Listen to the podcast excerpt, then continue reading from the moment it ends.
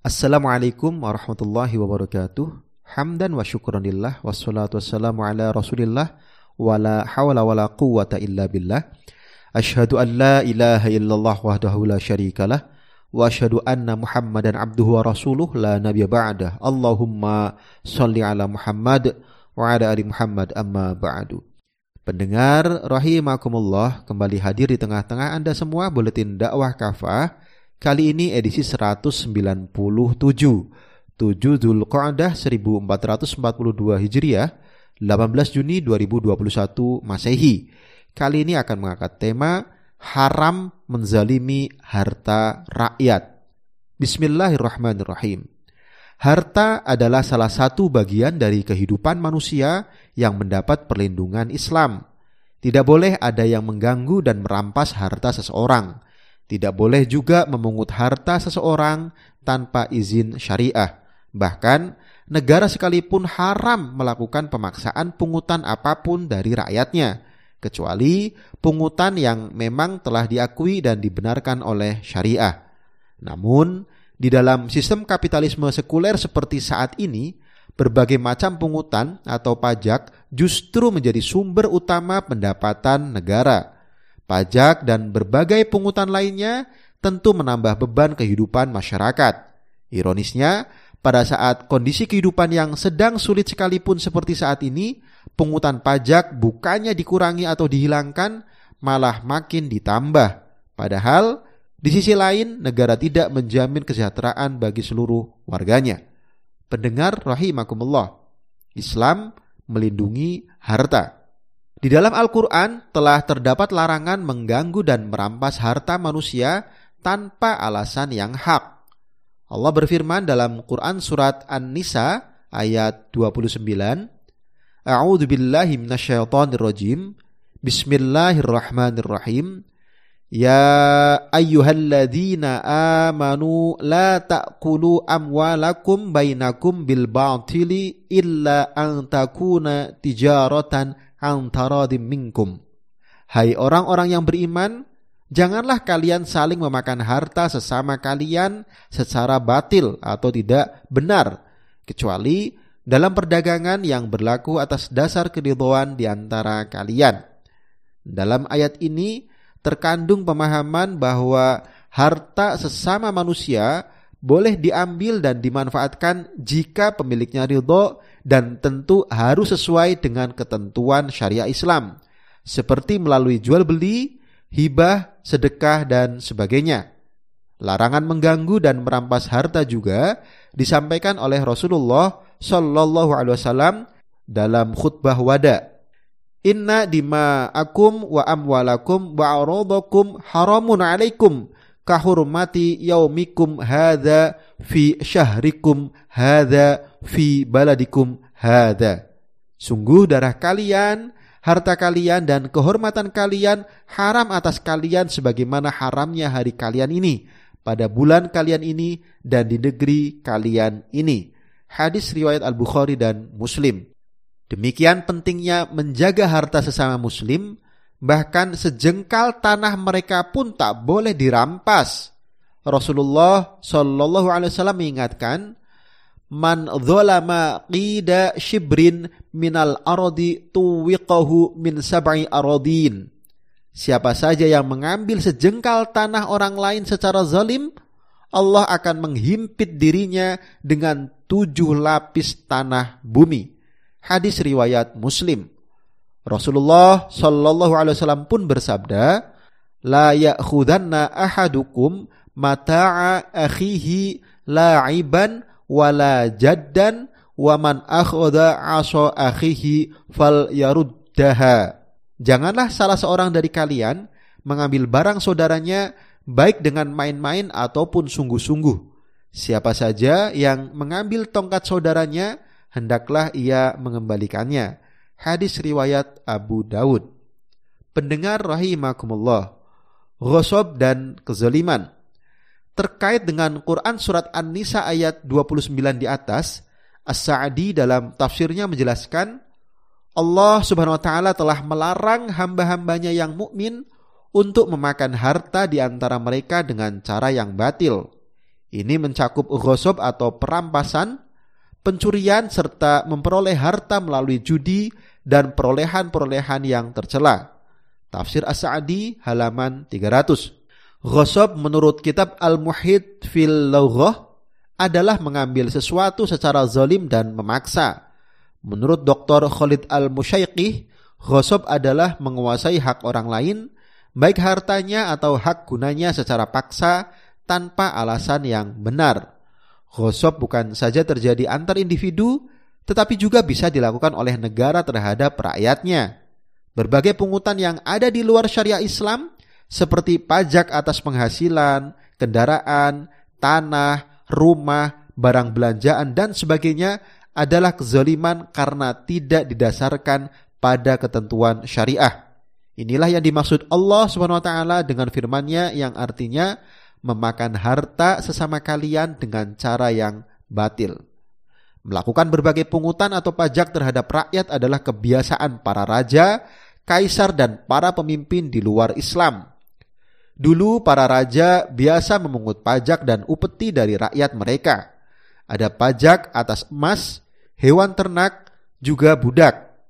Pada era modern, negara-negara yang menganut ideologi kapitalis juga memungut pajak dari rakyat dengan lebih banyak lagi jenisnya. Pajak kendaraan, rumah, tanah, dan lain-lain.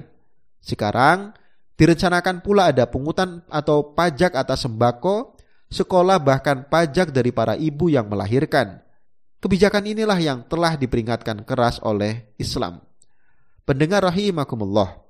Abu Khair radhiyallahu an berkata, Maslamah bin Makhlad, gubernur di negeri Mesir saat itu, menawarkan tugas penarikan pajak kepada Ruafi bin Sabit radhiyallahu an. Ia berkata, Sungguh aku pernah mendengar Rasulullah Shallallahu Alaihi Wasallam bersabda, Inna sohibal maksi finnar. Sungguh para pemungut pajak diazab di neraka. Hadis riwayat Ahmad. Inilah realita kehidupan umat hari ini. Mereka dihadapkan pada kondisi hajat hidup yang ditelantarkan, sementara beban hidup semakin berat. Bahkan penguasa justru menambah berat beban kehidupan mereka dengan berbagai pungutan atau pajak. Berbeda dengan para khalifah yang menjalankan syariah Islam, mereka berusaha sekuat tenaga melayani kebutuhan rakyat dan meringankan beban mereka.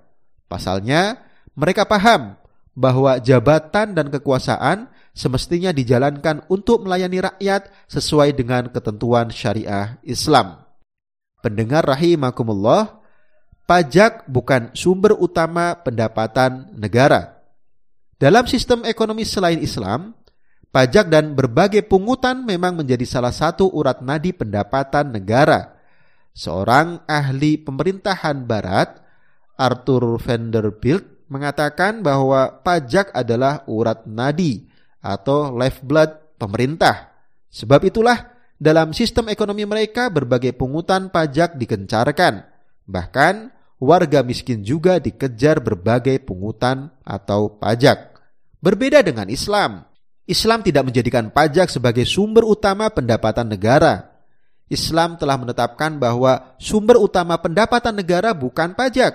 Pasalnya kas negara atau baitul mal dalam sistem pemerintahan Islam atau khilafah memiliki sumber pemasukan yang tetap seperti zakat, jizyah, kharaj, osher, harta kepemilikan umum seperti tambang migas dan mineral, anfal, ghanimah, fa'i, khumus, infak, dan sedekah dan sebagainya. Sumber pemasukan ini amat besar dan mampu mencukupi kebutuhan umat. Tak perlu ada pungutan batil di luar ketentuan syariah. Memang, ada kalanya negara dibolehkan untuk memperlakukan pajak atau boribah. Namun demikian, konsep dan pelaksanaannya jauh berbeda dengan sistem pajak hari ini. Pajak atau doribah dalam Islam hanya diberlakukan saat negara benar-benar krisis keuangan, sementara negara tentu membutuhkan dana segar untuk membiayai berbagai kebutuhan dan pos-pos pengeluaran yang diwajibkan atas mereka. Misalnya untuk keperluan jihad visabilillah, membayar gaji pegawai, tentara, juga biaya hidup pejabat, memenuhi kebutuhan fakir miskin, juga penanganan bencana alam dan wabah. Pungutan itu bersifat temporer, bukan pemasukan rutin dan permanen, apalagi menjadi sumber pendapatan utama negara. Ketika krisis sudah terlewati dan kas negara atau baitul mal telah aman, maka pungutan itu akan dihentikan. Jadi, pajak atau doriba dalam Islam bukan merupakan pendapatan rutin dan utama negara, seperti dalam sistem kapitalisme. Objek pajak dalam Islam pun berbeda. Pungutan ini tidak diambil dari semua warga negara. Non-muslim, ahlu zimah, tidak dikenai pajak. Mereka hanya dikenai jizyah yang disesuaikan dengan kemampuan mereka. Pajak dalam Islam hanya dibebankan atas warga muslim yang kaya saja. Sabda Nabi sallallahu alaihi wasallam, "Khairus shadaqati ma kana an dhahri ghina." Sedekah terbaik adalah yang berasal dari orang kaya. Hadis riwayat Al-Bukhari. Dengan aturan seperti ini, keadilan akan tercipta. Kebutuhan rakyat tetap terpenuhi dengan jaminan dari negara. Mereka tidak dipersulit dengan berbagai pungutan. Para penguasa pun akan legowo ketika diingatkan akan kewajiban mereka untuk bekerja keras dan bersungguh-sungguh memenuhi hajat rakyat.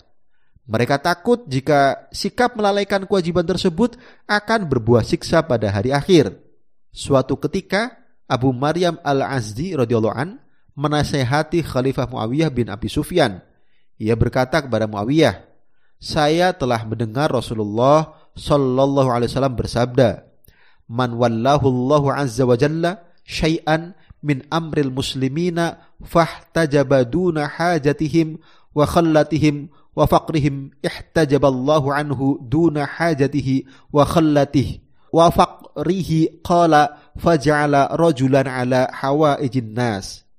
Siapa saja yang diserahi oleh Allah mengatur kepentingan kaum muslim kemudian ia tidak memenuhi hajat kepentingan dan kebutuhan mereka, maka Allah akan menolak hajat, kepentingan dan kebutuhannya pada hari kiamat. Mendengar nasihat itu, Muawiyah segera mengangkat seorang untuk melayani segala kebutuhan orang-orang atau kebutuhan rakyat. Hadis riwayat Abu Dawud. Berkebalikan dengan hari ini, banyak orang kaya menikmati berbagai fasilitas kemudahan hidup dari negara, semisal pengampunan pajak atau tax amnesty. Sebaliknya, rakyat kebanyakan kian ditekan dan diburu hartanya. Apakah para pemimpin itu tidak takut dengan doa keburukan yang dipanjatkan baginda Nabi Shallallahu Alaihi Wasallam untuk para penguasa yang zalim yang mempersulit kehidupan rakyatnya? Allahumma man waliya min amri ummati syai'an fashaqqa alaihim fashquq alaih wa man waliya min amri ummati syai'an farafaqo bihim bih Ya Allah, siapa saja yang mengurusi urusan umatku, lalu dia menyusahkan mereka, maka susahkanlah dia. Siapa saja yang mengurusi urusan umatku, lalu dia menyayangi mereka, maka sayangilah dia. Hadis riwayat Muslim. Wallahu alam biswab. Demikian materi buletin dakwah kafah edisi 197 haram menzalimi harta rakyat. Terima kasih. Wassalamualaikum warahmatullahi wabarakatuh.